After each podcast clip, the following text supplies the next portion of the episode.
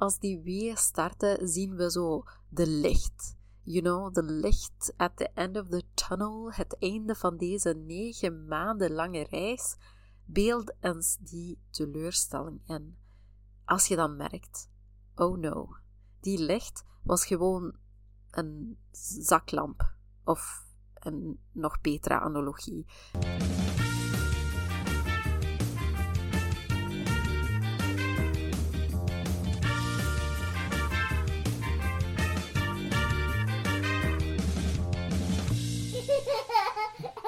Hey, welkom naar een nieuwe aflevering van Prego Pod. Hier ben ik weer met een nieuwe aflevering. Ik heb een lange pauze gehad. Dat was niet de bedoeling. Let's ignore that. En uh, de aflevering van vandaag gaat over valse arbeid. Wat is valse arbeid? Hoe gaan we daarmee om? Maar voor we aan de slag gaan, zou ik jullie eerst en vooral willen bedanken voor alle mooie berichten die ik heb ontvangen. Dat is zo leuk om te horen dat dit geapprecieerd wordt en dat jullie de afleveringen ook leuk vinden. Vergeet deze podcast ook niet te delen met je vriendinnen, please. Om terug te komen op de feedback. Er zijn enkele vragen teruggekomen, specifiek in verband met de aflevering van de thuisbevalling. Um, en er zijn toch enkele dingen die ik duidelijk zou willen maken. De aflevering, elke aflevering, is natuurlijk bewerkt en geknipt. Deels door privacyredenen. Ik wilde zoveel mogelijk de privacy van de mama beschermen. Dus telkens als ik haar naam zei of zo, ja, de naam van haar kinderen, ja, dan moest heel die zin uitgeknipt worden uit het gesprek. En dan verlies je ook een beetje van de context natuurlijk. Dus dat is een heel belangrijk punt om te melden dat dit een bewerkte aflevering is. Een andere vaak gestelde vraag over de aflevering was: Is die vrouw echt zo rustig geweest? En yes, zij was heel kalm door heel het proces en ook tijdens het persen. Ik weet dat de tijdslijn ook heel onduidelijk is. Het was een beetje moeilijk om te vertellen hoe lang elke fase was en wat wanneer gebeurde. Om de tijdslijn te verduidelijken ga ik alle stappen nog eens overlopen. Heb je die aflevering over de thuisbevalling gemist? Uh, ja, dan ga je dat natuurlijk eerst willen beluisteren. Wij hebben het over aflevering nummer 25. Dus deze mevrouw, haar allereerste weeën begonnen, zoals ik zei, rond drie uur s'nachts. Nog heel licht, uh, een beetje onregelmatig. Maar tegen acht uur waren ze al regelmatiger. Maar nog niet zo frequent. Om 11 uur kwamen ze bijna om de 5 minuten. En dit is wanneer ik bij hun thuis aankwam. Mama hield zich dus bezig met de was, zoals het te horen was in de aflevering. Dit is, by the way, de beste strategie tijdens die eerste weeën. Totally ignore het feit dat je een baby gaat krijgen en do your own thing. Jouw dagelijkse dingen. Dat wil zeggen wassen, kleren ophangen, koken, etc. etc. Totdat het niet meer gaat. Dus deze mama heeft dit ook zo aangepakt. Net voor het veel intenser werd, heeft zij zelfs een boterham voor mij gesmeerd. Dat was zo ongelooflijk lief. En dat is absoluut niks dat ik verwacht van mijn mama's in arbeid, by the way. Maar uh, ik vond het zo, zo lief. Kort daarna toen ik haar onderzocht, was het al kwart voor twee en zij stond op een 8 centimeter. En wij zijn meteen begonnen met het bevalbad te vullen. Het duurde ongeveer 20 à 30 minuten voor zij erin kon gaan. En dit is een periode waar mama meer last heeft gehad. En volgens mij heeft ze dan uh, twee of drie contracties in het bad gehad. En uh, daarna kwamen de persweeën.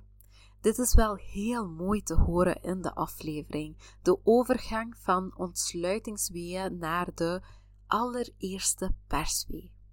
Deze mama was ook een beetje ongerust dat zij ging schreeuwen, uh, zeker omwille van de buren en zo. Ze wilde niet storen en daarom zei ik ook dat ze gerust die geluidjes mocht maken. Op dat moment moet je gewoon alles kunnen loslaten. Uh, maar zij bleef heel kalm tijdens het persen ook. En achteraf zei ze ook dat het heel fijn was om die aflevering te beluisteren en vond ze het ook zo speciaal En that's it. Kort daarna was baby er al, maar een belangrijke disclaimer blijft dat wat je ziet op sociale media van bevalling en vooral in die thuisbevalling, free birth sector, dat is een kleine deel van wat er eigenlijk achter de schermen gebeurt. Veel dingen die niet mooi genoeg zijn, tussen aanhalingstekens, hè, die, die worden bewerkt. Die worden zelfs uitgeknipt om zo de allermooiste, allerbeste momenten te laten zien. En iedereen denkt, amai, dat, ja, dat is de perfecte bevalling. Zo eentje wil ik ook. Maar een perfecte bevalling kan ook de moeilijke en soms zelfs de lelijke aspecten hebben. En that's okay. Heel, heel belangrijk om te onthouden dat veel van wat we zien en veel van wat wij horen uh, een bewerkte stuk is. Zoals deze aflevering ook. Een andere vraag die gesteld werd was: waarom zijn de weeën stilgevallen? Dus na dat eerste bezoek dachten wij: oh, de bevalling gaat binnenkort starten, er zijn toch wat pijnlijke weeën, maar in plaats van intenser te worden, had mama zelfs een pauze. Dit brengt ons naar het onderwerp van deze aflevering, namelijk valse arbeid. Ik stoor me nu al op de benaming van deze fenomeen. Echt not cool. Niet, uh, niet correct, zal ik maar zeggen. Maar dit komen we later op terug. Wat is valse arbeid? Of false labor in het Engels.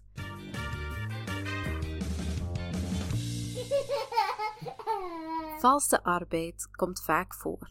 Zeker in die periode rond de uitgetelde datum begin je meer en meer last te krijgen van die onregelmatige contracties. En deze zijn vaak mild van karakter. Meestal krijg je zo'n menstruatieachtige pijn die soms ook naar de rug toe kan stralen. En je buik spant zich ook heel hard op. En deze voorweeën, die, die kunnen wel pijnlijk zijn, maar meestal ga je die heel goed kunnen opvangen. En deze soort contracties worden ook voorweeën of oefenweeën genoemd. Eigenlijk zou je valse arbeid een beetje kunnen vergelijken met een theatervoorstelling. Stel dat jij je klaarmaakt om een geweldige voorstelling te geven, maar voordat het publiek arriveert en de schijnwerpers aangaan, zijn er een paar repetities. Repetities om ervoor te zorgen dat alles soepel verloopt. Die maken u klaar, alsof te zeggen: Alright, we gonna do this. Maar ze leiden nog niet tot het echte spektakel, de geboorte van je baby. Het is als een proefrondje voor je lichaam om te oefenen en zich voor te bereiden op de hoofdact. Het kan een beetje verwarrend zijn, omdat je denkt dat het tijd is voor de grote show, maar nee, het is gewoon een voorproefje. Valse arbeid kan heel erg frustrerend zijn, omdat het enige verwarring en onzekerheid met zich meebrengt. Tijdens deze fase ervaren vrouwen samentrekkingen die fel lijken op echte weeën, maar ze leiden niet tot de voortgang van de bevalling. Ik denk dat vrouwen die dit hebben meegemaakt, die zijn die enige die deze teleurstelling volledig kunnen begrijpen. We zijn zo klaar om deze baby te ontvangen, te verwelkomen. Als die weeën starten, zien we zo de licht. You know, de licht at the end of the tunnel, het einde van deze negen maanden lange reis, beeld ons die teleurstelling in. Als je dan merkt, oh no, die licht was gewoon een zaklamp. Of een nog betere analogie. Het einde is er nog niet en soms kan het voelen alsof het nooit gaat eindigen. Je gaat gewoon forever and ever and ever zwanger blijven. En natuurlijk voel je je dan ongeduldig en gefrustreerd. Je wilt je kindje ontmoeten. De onzekerheid over wanneer de echte bevalling zal beginnen, gecombineerd met de mogelijke pijn of ongemak tijdens valse arbeid, draagt bij aan de frustratie. Maar dit is een normaal onderdeel van het bevallingsproces. En ja, dat is gewoon uw lichaam die zich voorbereidt op de uiteindelijke geboorte. Hier wil ik ook zeggen: bespreek dit zeker met jouw vroedvrouw als je door die valse starten down begint te voelen. We zijn hier voor u en we begrijpen ook die gevoelens en die frustratie. Wat zijn dan die voorweeën of oefenweeën en hoe verschillen ze zich van de echte weeën? Er zijn enkele dingen die zich verschillen. Laten we die snel eens opzommen. Dus nummer 1. De intensiteit van de wee. Bij een voorwee gaat de intensiteit van de wee niet gelijkmatig toenemen. Het kan heel pijnlijk zijn, heel ambetant zijn, maar de weeën nemen in sterkte niet toe. Wat wel het geval is bij echte weeën. Dan gaan de weeën na een tijdje meer intensief worden. De duur. Nummer 2. De duur. Hoe lang dat je wee duurt, kan ook een indicatie geven of het de real deal is of niet. Een voorwee duurt ongeveer 30 seconden, terwijl een echte wee dubbel zo lang is. Nummer 3. De regelmaat en frequentie van de wee. Dit heb je vast al gehoord. Als de samentrekkingen nog onregelmatig zijn, dat wil zeggen als je eentje krijgt na 5 minuten en dan de volgende na 15 minuten en dan de keer daarop na 20 minuten, dan is dit nog heel onregelmatig. Ik denk terug aan die repetities die soms ook heel chaotisch en ongeorganiseerd kunnen zijn. En wel, zo een beetje zijn de voorweeën ook. De echte weeën zijn meestal wel regelmatig. En natuurlijk zijn er gevallen waar vrouwen alleen maar onregelmatige weeën hebben gehad en ze zijn zo bevallen.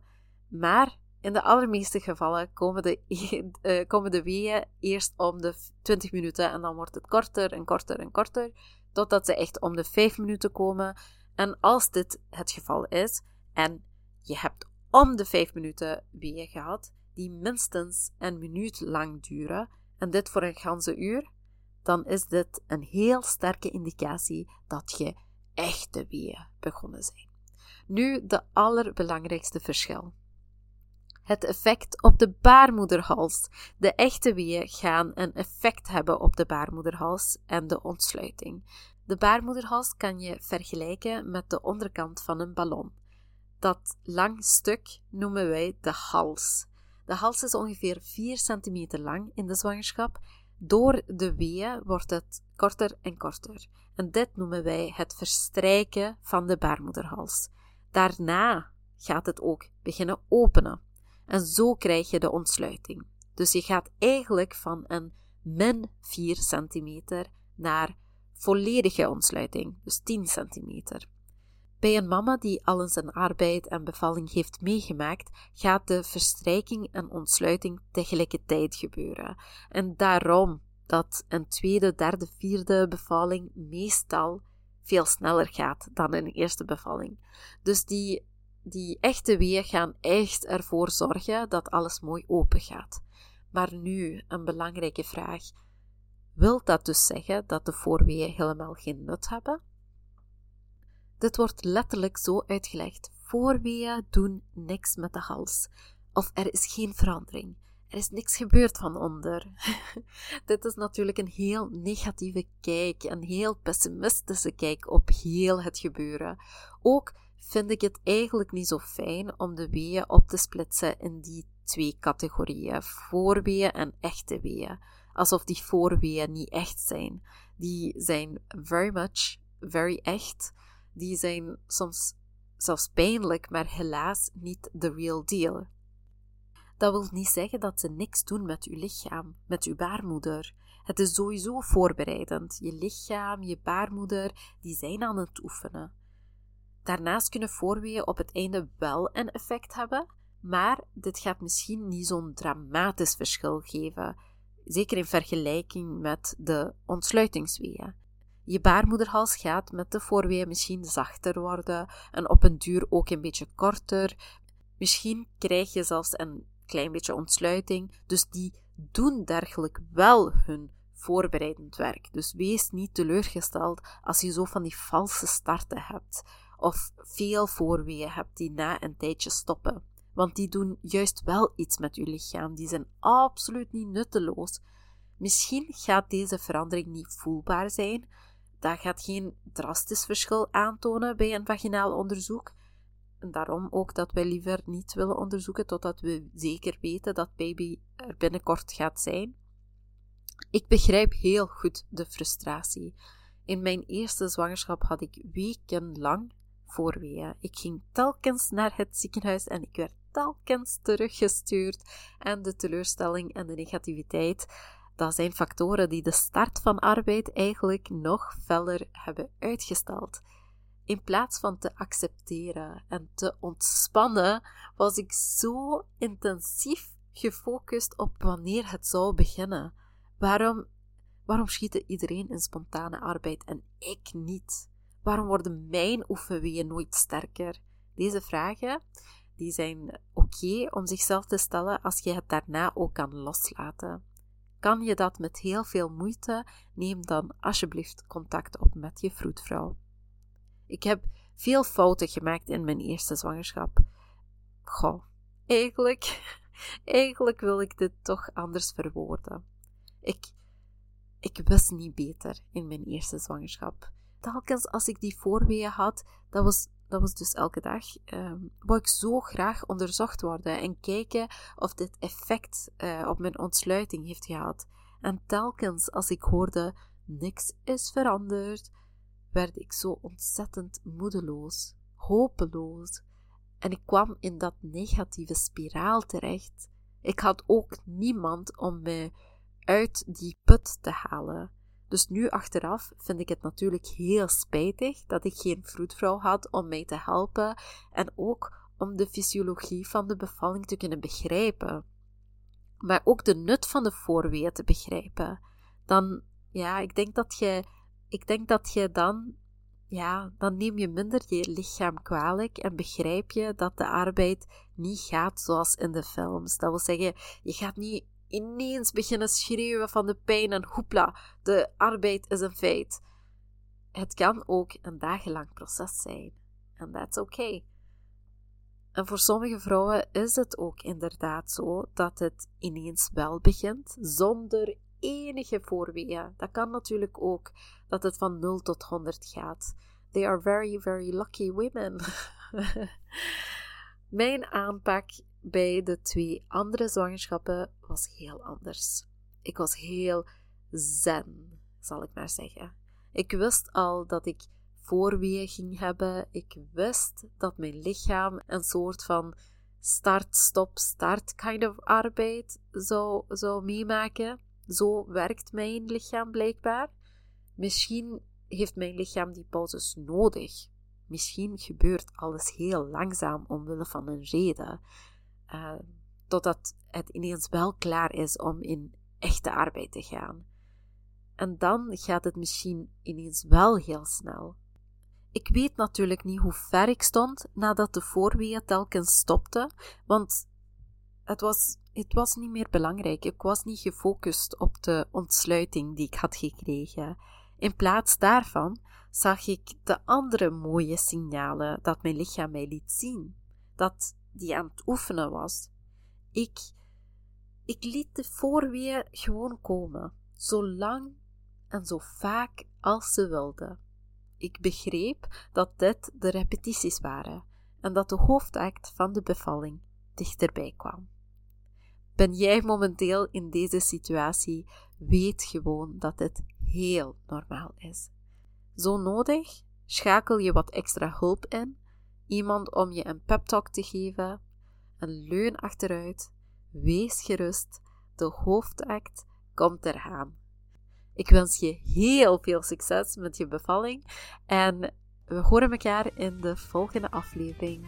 Tot dan, bye!